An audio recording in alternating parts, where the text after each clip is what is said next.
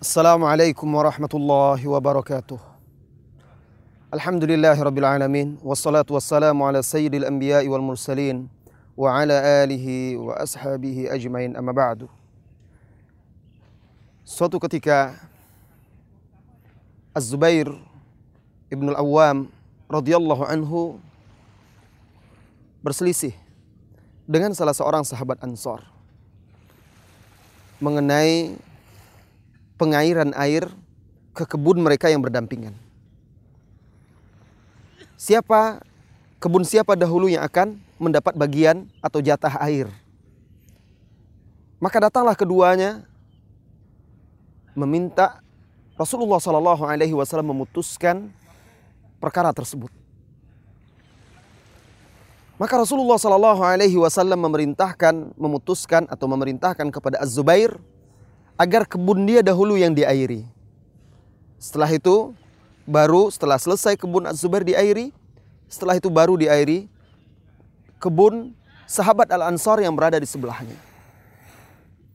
Maka sahabat Ansar tersebut berkata kepada Rasulullah sallallahu alaihi wasallam, "Ya Rasulullah, apakah karena dia anak dari bibimu, putra dari bibimu, sehingga engkau putuskan kebun dia dahulu yang diairi?" Seolah-olah dia menyanggah, tidak ridho dengan yang diputuskan oleh Rasulullah sallallahu alaihi wasallam. Maka berubah wajah Rasulullah sallallahu alaihi wasallam beliau marah. Lantas Rasulullah Shallallahu Alaihi Wasallam mengatakan, ya Zubair, aliri sungaimu, aliri kebunmu dengan air dan tahan air tersebut. Kembalikan dia lagi ke asalnya. Maka ketika itu turunlah firman Allah Subhanahu wa taala di surah An-Nisa, "Fala wa rabbika la yu'minun hatta yuhakkimuka fima shajara bainahum."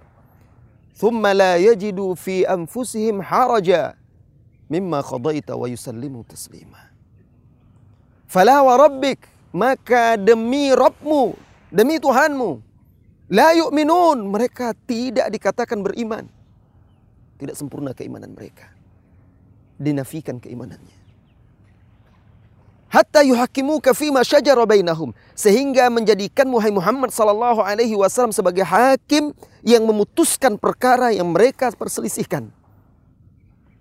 Tsumma la yajidu fi anfusihim haraja. Kemudian mereka tidak dapatkan di dalam diri mereka ganjalan, perasaan mendongkol, perasaan tidak menerima. Mimma qadaita dari apa-apa yang telah engkau putuskan wa yusallimu taslima dan mereka menerimanya dengan pasrah. Saudaraku, perselisihan antara Az-Zubair dan sahabat Ansor tadi radhiyallahu anhuma hanyalah masalah dunia. Masalah tanah siapa, kebun siapa yang pertama diakhiri. Lalu Rasulullah Shallallahu Alaihi Wasallam memutuskan. Namun begitu, ketika salah seorangnya tidak ridho, tidak menerima dengan keputusan Rasulullah Shallallahu Alaihi Wasallam, Rasulullah marah. Turun ayat dari Allah Subhanahu Wa Taala menegur, mengingatkan bahwa tidaklah patut bagi seorang mukmin menolak apa yang telah diputuskan oleh Rasulullah Sallallahu Alaihi Wasallam. Saudaraku, kalaulah, kalau saja perselisihan yang terjadi antara sahabat Zubair dengan sahabat Ansor ini hanya dalam urusan dunia, masalah mengairi kebun, lalu diputuskan oleh Rasulullah hanya masalah dunia, tidak ada kaitannya dengan akhirat itu. Tapi kalau Rasulullah sudah memutuskan, lalu ada yang tidak ridho, Allah marah sampai menurunkan ayatnya untuk mengingatkan. Bagaimana kalau seandainya ada orang menolak keputusan Rasulullah Sallallahu Alaihi Wasallam, ketetapannya, perintah dan larangannya dalam masalah akhirat, dalam masalah ibadah, dalam masalah syar'i, dalam masalah syariat, dalam masalah agama yang merupakan keselamatan manusia di dunia dan di akhirat. Al-Imam Ibnu Qayyim Al-Jauziyah rahimahullah taala mengomentari ayat ini. Di dalam ayat ini kata beliau, ada tiga tingkatan Islam. Yang pertama, tingkatan iman. Yang kedua Islam, yang ketiga ihsan. Yang pertama dari ayat tersebut adalah menjadikan Rasulullah Sallallahu Alaihi Wasallam sebagai hakim yang memutuskan ketetapannya dipatuhi, ditaati, diikuti dalam suka maupun duka. Ini keimanan. Hatta yuhakimuka fima syajara bainahum. Kemudian yang kedua, tingkatan Islam. Menerima apa yang diputuskan oleh Rasulullah sallallahu alaihi wasallam. Kemudian yang ketiga tingkatan ihsan. Menerimanya dengan tanpa ada ganjalan di dada. Lapang dada, pasrah. Ini dia tingkatan-tingkatan Islam yang tiga yang terdapat di dalam ayat ini. Seorang mukmin yang sejati maka dia akan tunduk patuh kepada setiap yang dititahkan oleh Allah dan Rasulnya. Wa makana li mu'minin wala mu'minah idza qada Allah wa rasuluhu amra an yakuna lahumul khiyaratu min amrihim.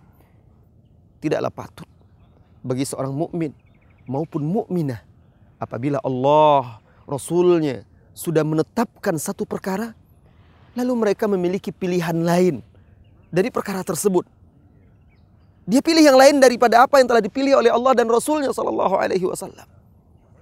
Wa may ya'sillaha wa rasulahu. Barang siapa yang bermaksiat kepada Allah dan Rasulnya. Menentangnya. Sungguh mereka itu telah tersesat dalam kesesatan yang nyata. Mari tundukkan diri kita zahir dan batin Seti, dalam setiap perkara besar dan kecil kepada titah, kepada perintah Al-Quran dan juga kepada perintah-perintah As-Sunnah An-Nabawiyah.